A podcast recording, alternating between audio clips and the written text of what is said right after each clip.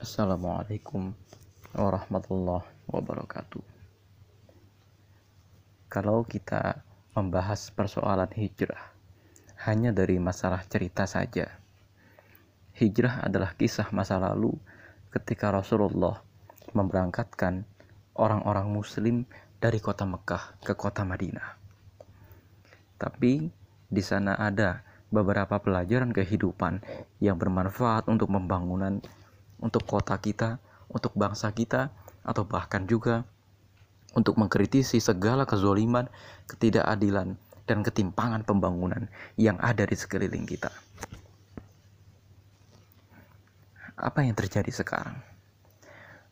Kalau sekarang kita melihat pembangunan yang dilangsungkan di sekeliling kita, persentuhan antara orang kota dengan orang desa, antara kultur jasa terhadap kultur agraris, persentuhan antara orang yang tipe pekerjaannya itu adalah pekerjaan kantor dengan pertemuan mereka dengan tipe orang yang pekerjaannya itu pekerjaan agraris. Ini selalu menimbulkan masalah di negara berkembang. Tapi ternyata ini tidak terjadi di masa Rasulullah. Apa yang dilakukan oleh Rasulullah? Pertama, kita hadapi data hijrah ini begini Orang-orang Quraisy yang pada saat itu sudah memeluk Islam, itu tentu saja pada saat itu Rasulullah melakukan pendataan. Orang yang saat itu mengikuti Islam, itu bagaimana profesinya? Atau landasan hidupnya itu asalnya dari mana? Rancangan keterampilan atau rancangan penghidupan mereka itu apa? Perdagangan, agraris, nyangkul, atau pertanian misalnya, atau kelautan, atau misalnya mereka ini bekerja di sektor jasa, tukang cukur misalnya, atau bekerja sebagai perajin. Ternyata kalau kita dapati data bahwa mayoritas yang dibawa oleh Rasulullah itu adalah generasi muda, yang relatif ya mereka itu adalah para bangsawan. Yang mana para bangsawan itu rata-rata tipe pekerjaannya bukan pekerjaan-pekerjaan yang sederhana seperti manufaktur. Tapi mereka itu adalah para bangsawan yang tadinya itu punya kongsi dagang kongsi dagang yang besar. Ini data pertama. Data kedua, kota Mekah itu bukan kota yang penuh dengan sumber daya alam. Kota Mekah itu kota yang miskin sumber daya alam, sehingga memaksa penduduknya itu untuk pergi ke sekeliling kota Mekah mencari penghidupan, tapi tetap mereka itu pulang ke kota Mekah. Nah, sampai di sini kita jumpai lagi satu data bahwa kota Madinah itu adalah kota yang subur di mana kota yang subur ini sebagian yang paling subur ditempati oleh orang-orang Yahudi dan bagian yang kurang subur ditempati oleh orang-orang Ansor. Nama sukunya Aus dan Khosraj. Dan di sini terjadi benturan karena orang-orang Yahudi ini kemudian ternyata memonopoli pasar, ngerjain para petani-petani ini jadi tengkulak gitu ya, jadi broker, monopoli, kartel dan lain-lain Akhirnya terjadilah perang antara Aus dengan Khosraj yang dikompori oleh orang-orang Yahudi. Dan setelah itu orang-orang Aus dan Khosraj itu menyadari bahwa mereka selama ini diadu domba oleh orang-orang Yahudi. Sehingga semangat mereka untuk bisa memerangi orang-orang Yahudi itu besar sekali. Bahkan sampai mereka itu mengatakan, ya orang-orang Yahudi ini menjanjikan kita dengan seorang nabi yang nanti katanya akan mengusir kita. Nah, ketika mereka itu bertemu dengan Nabi Muhammad, ya mereka itu senang. Wah, ini jangan-jangan nabi yang dijanjikan oleh orang-orang Yahudi. Kenapa kita tidak beriman duluan saja sehingga orang-orang Yahudi itu tidak bisa mengkapitalisasi isu ini untuk mengusir kita? Itu bahasanya. Nah, sampai di sini kondisi psikologi orang Mekah itu juga berbeda dengan psikologi orang Madinah. Kondisi psikologi orang Mekah ini yang pada saat itu berhijrah ke Madinah ada dalam kondisi mereka itu sudah qadirun alal kasbi. Mereka itu mandiri. Karena apa? Boykot yang sebelumnya dijalankan tentu saja gitu kan itu sudah membuat mereka mandiri. Di satu sisi mereka ini berada di usia produktif. Jadi pengikutnya Nabi Muhammad itu bukan orang-orang tua ini ya ini ada pesan kenapa dakwah itu selalu dimulai dari pemuda karena memang pemuda ini ada di usia produktif. Dan kenapa Rasulullah itu tidak memulai dakwahnya dari kalangan anak-anak misalnya? Kenapa Rasul tidak memulai dakwahnya itu dengan membuat taman anak-anak atau Khadijah suka ngajarin anak kecil? Enggak. Karena memang untuk mendapatkan hasil yang relatif singkat, mudah. Kenapa muda ini memang kader yang siap berpikir, kader yang siap bergerak, gitu loh. Dan kenapa juga nggak dimulai dari kalangan orang-orang tua? Ya memang orang tua itu uangnya lebih banyak tapi kemudian mereka tidak siap bertempur. Mereka lebih pragmatis. Mereka sudah menanggung keluarga atau kalaupun mereka misalnya e, sama dengan pemuda ada juga pemuda yang sudah menanggung keluarga. Mereka relatif itu masih idealis. Inilah yang menyebabkan e, kondisi psikologi seorang Mekah ini berbeda pengikut-pengikut Rasulullah atau karangan-karangan muhajirin yang merupakan as-sabiqun al-awalun mereka itu berada dalam kondisi psikologis tertentu sehingga mereka itu sanggup untuk berhijrah dan membangun peradaban yang baru dan kita juga mengetahui bahwa ayat-ayat Al-Quran yang turun pertama kali di kota Mekah sampai dengan hijrah itu ayat-ayat yang bicara masalah peradaban dan Rasul punya data, punya sensus. Siapa profesinya ini? Siapa skillnya ini? Siapa yang tadinya itu pedagang? Siapa yang tadinya itu guru? Siapa yang tadinya itu uh, tukang cukur misalnya? Siapa yang tadinya itu uh, juru masak dan lain-lain? Dan di sini kita tahu bahwa yang namanya dakwah itu memang punya database. Dan Rasulullah itu juga tahu apa yang terjadi di kota Mekah. Rasul juga tahu apa yang terjadi di kota Madinah. Dengan data ini, kita bisa mengambil ibroh. Apa yang terjadi ketika pemerintah misalnya, atau ketika siapa pun itu menghubungkan antara kultur kota yang penuh dengan kultur jasa, kulturnya itu kultur manufaktur, ketemu dengan kultur agraris. Nah ini yang akan jadi pembahasan kita. Rasulullah menyelesaikan masalah ini itu dengan beberapa langkah yang taktis. Langkah taktis yang pertama adalah satu, ini datang imigran, tapi imigrannya ini adalah imigran-imigran yang buron dari negara asalnya. Dan Rasul melakukan langkah taktis. Langsung dilakukan persaudaraan antara 45 perwakilan orang-orang muhajirin yang merupakan para bangsawan dengan 45 kalangan ansor yang juga merupakan bangsawan. Jadi tidak semua, karena kalau ta'akhi ya atau persaudaraan ya. Persaudaraan ini kan yang kita tahu ya berlangsung beberapa saat setelah Rasulullah itu hijrah. Kalau persaudaraan ini dilangsungkan kepada semua kaum muslimin, tentu dampaknya nggak akan kuat. Maka Rasul itu memilih untuk mempersaudarakan antara dua pemimpin.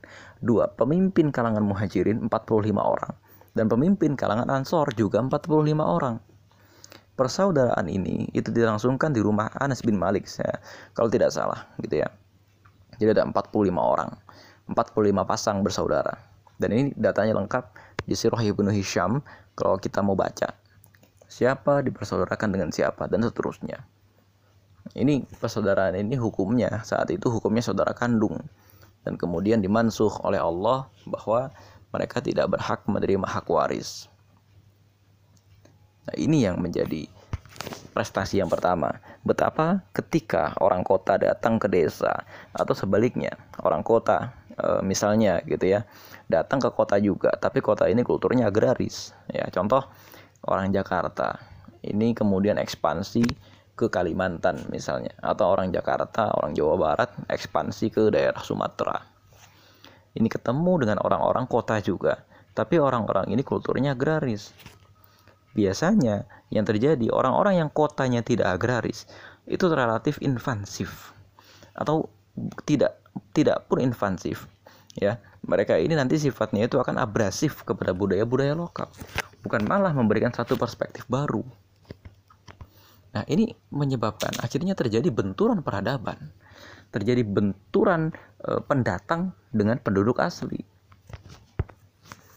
tapi di kota Madinah, benturan semacam ini bisa diminimalisir.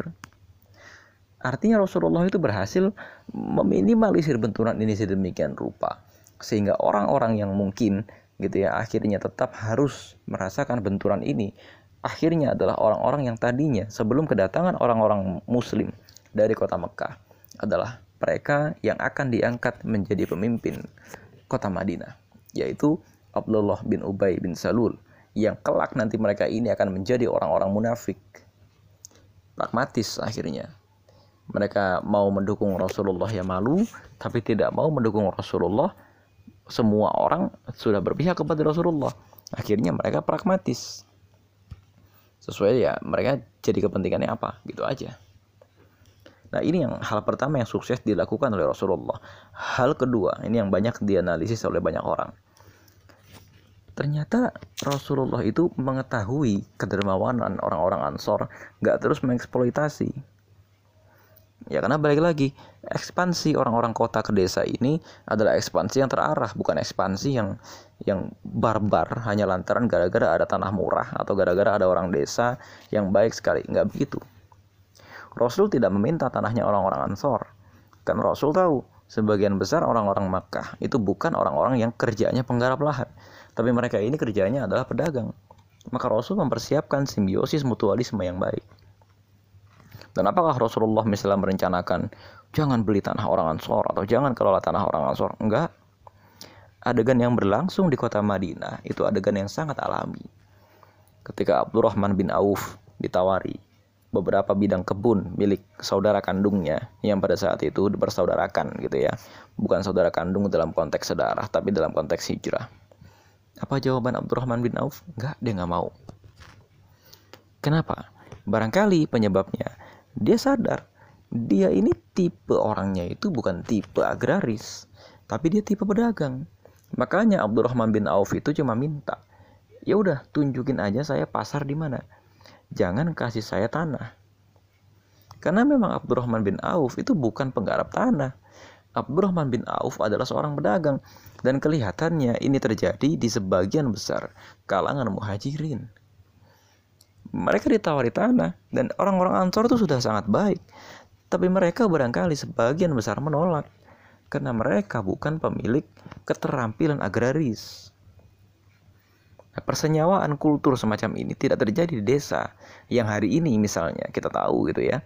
Di desa-desa itu dibuka pintu tol yang baru atau dibuka pintu bandara yang baru atau dibuka jalur kereta yang baru. Apa yang terjadi? Ketika jalur kereta atau jalur pintu tol atau jalur bandara yang baru ini dibuat, maka akan datang menginvasi gitu ya sekelompok orang-orang kota datang ke desa. Apa yang terjadi? orang-orang kota ini itu membeli tanah-tanahnya orang desa dan oleh orang desa dikasih karena apa? Ya namanya orang desa itu kan kepada pendatang. Yang penting dia itu bawa profit. Dikasih aja selesai urusan. Dan saya pernah menjumpai satu kasus gitu ya. Ada beberapa desa ini di Pulau Jawa. Ngasih tanah itu jual murah. Caranya gimana? Dia mau beli motor misalnya. Ya sudah dia akan menakar harga motor kira-kira 20 juta atau harga motor kira-kira 15 juta. Dia kasih petak tanah itu kira-kira seluas 1000 sampai 2000 meter persegi ditawar dengan harga 15 juta saja. Kenapa? Karena mereka pikirannya itu masih simbol kemewahan. Bukan sesuatu yang sifatnya berkepanjangan. Nah, ini memang sifatnya orang desa begitu. Meskipun pada saat itu konteksnya orang Ansor itu bukan orang desa, tapi mereka orang kota, yaitu kota Madinah kultur mereka sudah kota, tapi tetap ini kota yang agraris. Kenapa orang-orang muhajirin sampai punya sifat begini? Misalnya, gak mau ngambil tanahnya orang Ansor. Orang kota macam apa yang disodori tanah itu gak mau, gitu loh. Padahal mereka itu datang ke kota Madinah tanpa membawa apa-apa. Penjelasan paling logis dari ini semua, mau tidak mau, tidak lain, gitu ya, adalah mereka itu adalah orang-orang yang percaya kepada satu sistem peradaban. Mereka itu melakukan sesuatu dengan satu frame ideologi. Frame ideologi inilah yang ditanamkan oleh Rasulullah. Kan Rasul itu pernah bilang, dia itu datang ke muka bumi, tidak lain tidak bukan makarimal akhlak, menjemur menyempurnakan akhlak. Sementara akhlak itu jelas adalah sebuah frame ya produk dari frame ideologi Islam dalam hal ini adalah sebuah ideologi kan gitu artinya gini uh, uh, apa pun narasi yang ditawarkan oleh Rasulullah pasti ada proses internalisasi dalam diri masing-masing sahabat Nabi sehingga mereka mengcreate satu jalan Islam tersendiri yang sesuai dengan hati mereka, sesuai dengan profesi mereka ataupun juga sesuai dengan latar belakang mereka. Ketika mereka sama-sama menginternalisasi, akhirnya muncullah satu ideologi, satu perangkat moral yang baru, dan perangkat moral ini di satu titik itu punya satu kesamaan di antara mereka semua. Kita sebut saja ini semua sebagai adab dan etika. Nah, ketika orang-orang kota itu misalnya akan datang ke desa, membeli tanah dalam ukuran yang luas misalnya, mereka kalau tidak punya adab, kalau tidak punya etika, nggak akan ini berpikir persoalan bagaimana masa depan desa ini misalnya? Bagaimana misalnya kelanjutan profesi dari orang-orang desa ini setelah mereka itu nggak lagi punya tanah nggak bakal mereka mikirin itu? Kenapa? Karena memang orientasinya itu bukan membangun peradaban. Sementara Islam itu sejak awal adalah satu tawaran peradaban. Barangkali Rasul itu ketika memberangkatkan sahabat-sahabatnya untuk hijrah sudah sama-sama bersepakat bahwa kita sedang membangun peradaban. Bukan sedang membangun satu properti itu misalnya kan. Contoh misalnya di beberapa tempat dibangun satu mega proyek one stop living city. One stop living city ini maksudnya di satu proyek perumahan semuanya ada. Sekolah rumah sakit mall eh, sarana olahraga tempat ibadah tempat wisata itu bahkan ada di sana. Tapi apa yang terjadi mereka seolah-olah membentuk satu koloni yang koloni ini terpisah dari masyarakat desa yang dulu menempati tanah tersebut atau yang dulu menggarap tanah tersebut. Lalu apa yang terjadi? Orang-orang desa yang dulu punya tanah di situ, nasibnya itu cuma jadi satpam. Atau nasibnya itu cuma jadi supir di sana atau cuma jadi buruh di sana karena tingkat pendidikan maupun skill pekerjaan mereka tidak cocok untuk profesi atau untuk peradaban yang sifatnya kota atau klaster. Nah, ini memang bahayanya ekspansi dari perusahaan-perusahaan properti yang ada di Indonesia. Apalagi proyek properti yang ada di Indonesia itu belum inklusif. Belum akomodatif kepada peradaban yang sebelumnya sudah ada di daerah tersebut. Dan kemudian dengan peradaban yang mereka ciptakan baru gitu loh. Kan Rasul itu ketika mendatangkan orang-orang muhajirin, anggaplah Rasul itu sedang membangun proyek mendatangkan seribuan orang ke dalam tengah-tengah kota Madinah. Dan bayangkan kalau ini misalnya terjadi di tengah-tengah kota e, Bandung misalnya. Ada orang dizolimi dari Jakarta, kemudian ribuan orang itu tiba-tiba pindah ke Bandung atau pindah ke Cianjur yang kota itu basisnya adalah basis agraris. Apa yang terjadi di klaster pada paling kan? Di klaster itu dibangun komplek, dibangun proyek, dan kemudian yang terjadi orang-orang kota ini invasif. Invasif gitulah invasif kepada orang-orang desa. Tanahnya dibeli lama kelamaan. Selain tanahnya dibeli kemudian mereka itu kan diangkat jadi satpam jadi kepala pengamanan dan lain-lain. Berbeda dengan Rasulullah. Rasulullah itu bisa melakukan persenyawaan dengan baik sehingga hampir seribuan orang yang hijrah ke kota Madinah tidak menjadi penyakit atau masalah baru yang kemudian malah menggerus kekayaan asli kota Madinah. Itu sebabnya tercipta stabilitas ya bahkan sampai stabilitas antar generasi atau stabilitas persenyawaan antara dua peradaban ini diabadikan dalam surat Al-Hasyr. A'udzubillahi minasyaitonirrajim. والذين جاءوا من بعدهم يقولون ربنا اغفر لنا ولإخواننا الذين سبقونا بالإيمان ولا تجعل في قلوبنا غلا ولا تجعل في قلوبنا غلا للذين آمنوا ربنا إنك رؤوف رحيم Jangan jadikan dalam hati kami ini perasaan ghil. Ghil itu perasaan sederhananya itu gampang ingin memiliki iri misalnya kan atau e, perasaan ingin mempunyai apa yang dipunyai oleh orang-orang muhajirin atau sebaliknya. Tidak dipungkiri sebagai orang-orang yang tadinya profesinya sebagai petani mereka juga mau kaya. Tidak dipungkiri e, mereka ini yang tadinya mungkin pedagang biasa ngelihat orang ansor atau melihat orang-orang ansor orang-orang aus dan khosrot yang tanahnya luas-luas. Mereka rela memberikan tanah itu kepada orang muhajirin tidak dipungkiri mereka mungkin memiliki rasa ingin memiliki. Tapi adab dan ideologi yang mereka anut selama ini, rasa takut mereka kepada Allah, rasa cinta dan hormat mereka kepada Rasulullah menyebabkan mereka tertahan untuk melakukan itu. Jadi kalau ada yang nanya, apa sih fungsi agama di zaman sekarang? Apa sih fungsinya ideologi Islam di zaman sekarang? Memberikan batas atau etika agar sebagian yang lain tidak menjadi musuh bagi sebagian yang lain.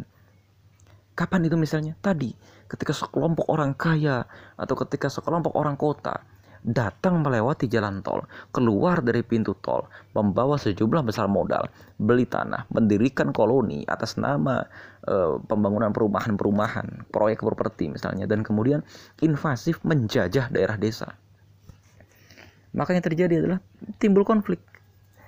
Di banyak tempat, masyarakat asli di sana, pekerjaan mereka itu akhirnya pekerjaan kelas 2. Atau yang kedua, generasi muda mereka itu menjelma menjadi begal, menjelma menjadi rampok atau bahkan itu menjelma menjadi penjahat karena mereka melihat ketimpangan antara peradaban yang baru datang dengan peradaban mereka sendiri. Orang kota itu pasti relatif lebih terdidik. Ya, bayangkan ada peradaban kota Mekah gitu ya.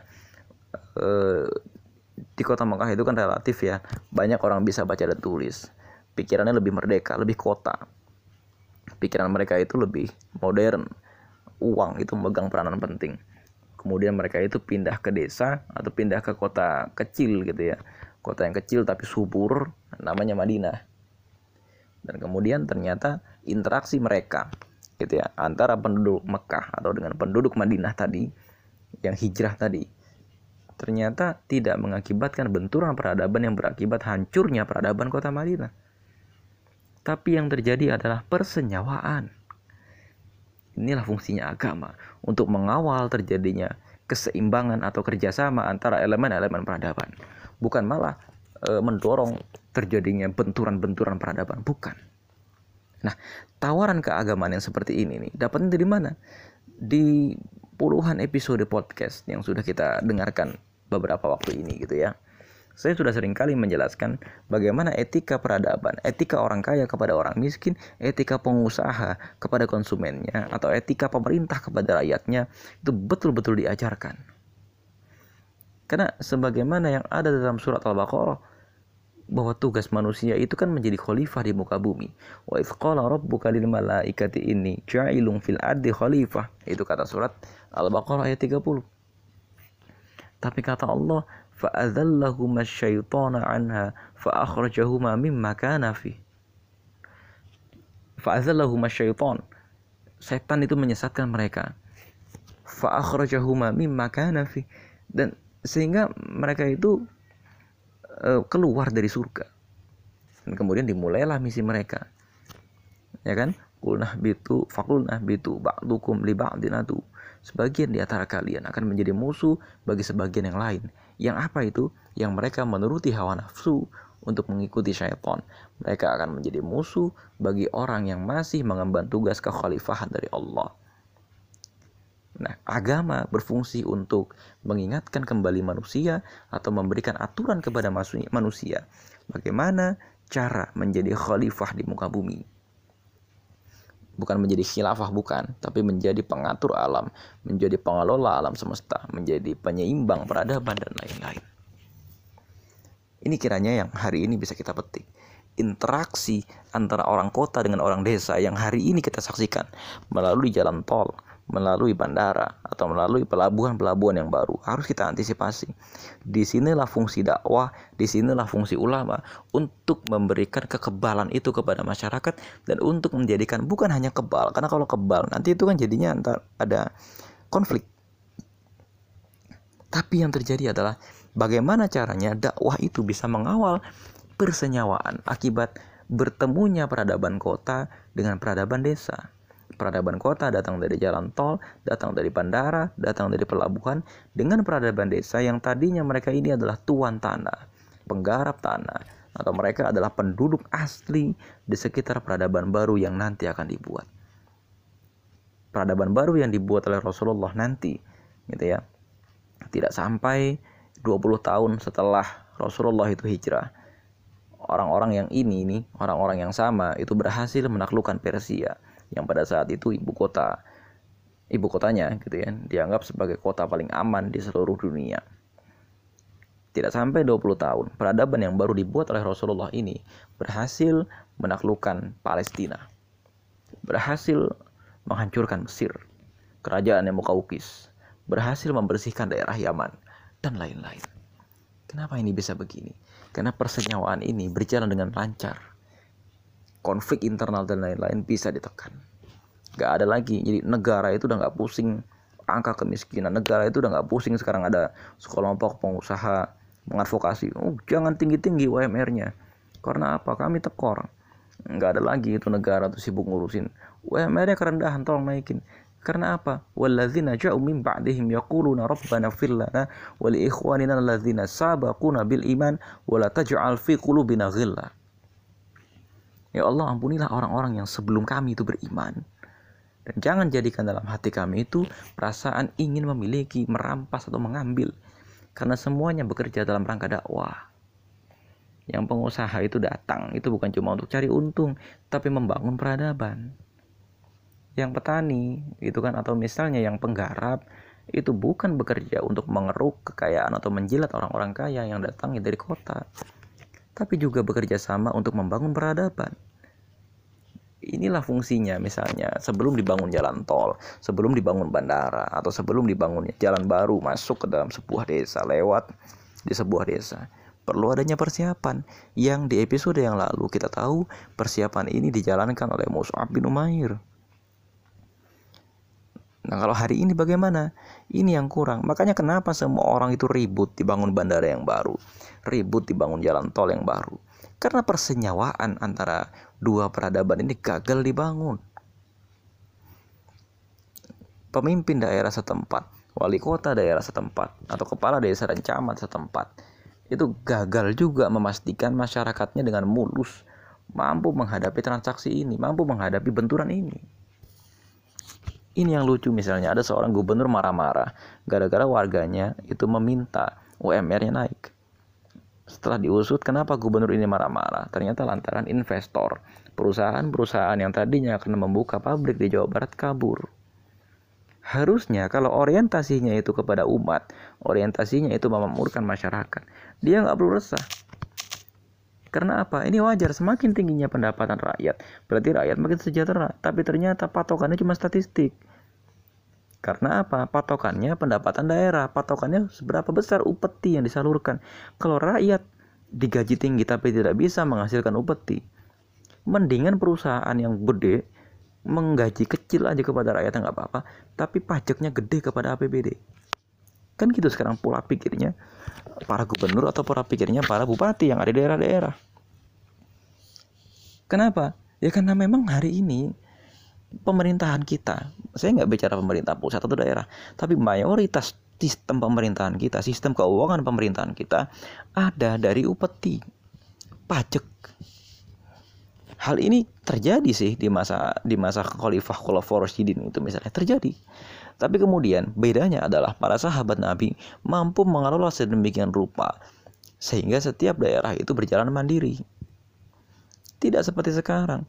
Kota kabupaten itu pembangunannya akhirnya jadi seragam. Akhirnya sekarang kabupaten mau jadi kota.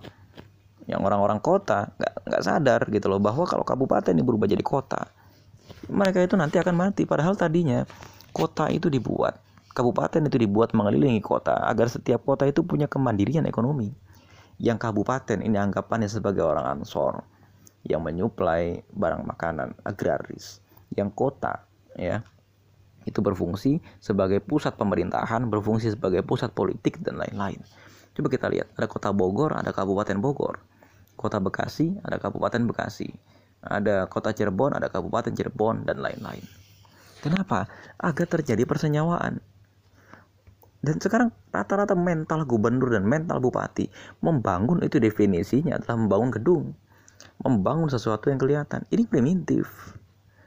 Padahal membangun itu bisa jadi adalah menciptakan persenyawaan.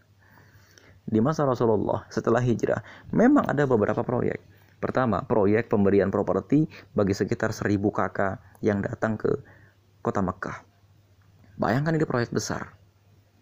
Ada proyek besar lagi membangun masjid ada proyek besar lagi membangun pagar kota Madinah memperkuat benteng-benteng untuk menghadapi perang serbuan dari kota Mekah. Ini proyek besar sekali. Tapi proyek-proyek besar ini kemudian berjalan dengan smooth, berjalan dengan lembut sekali. sehingga benturan peradaban yang terjadi malah menguntungkan bagi Rasulullah. Allah alam Kira-kira itu diskusi ringan kita hari ini mengapa peradaban yang terjadi di kota Madinah setelah hijrah ini bisa cepat bangkit. Ini yang terjadi. Assalamualaikum warahmatullahi wabarakatuh.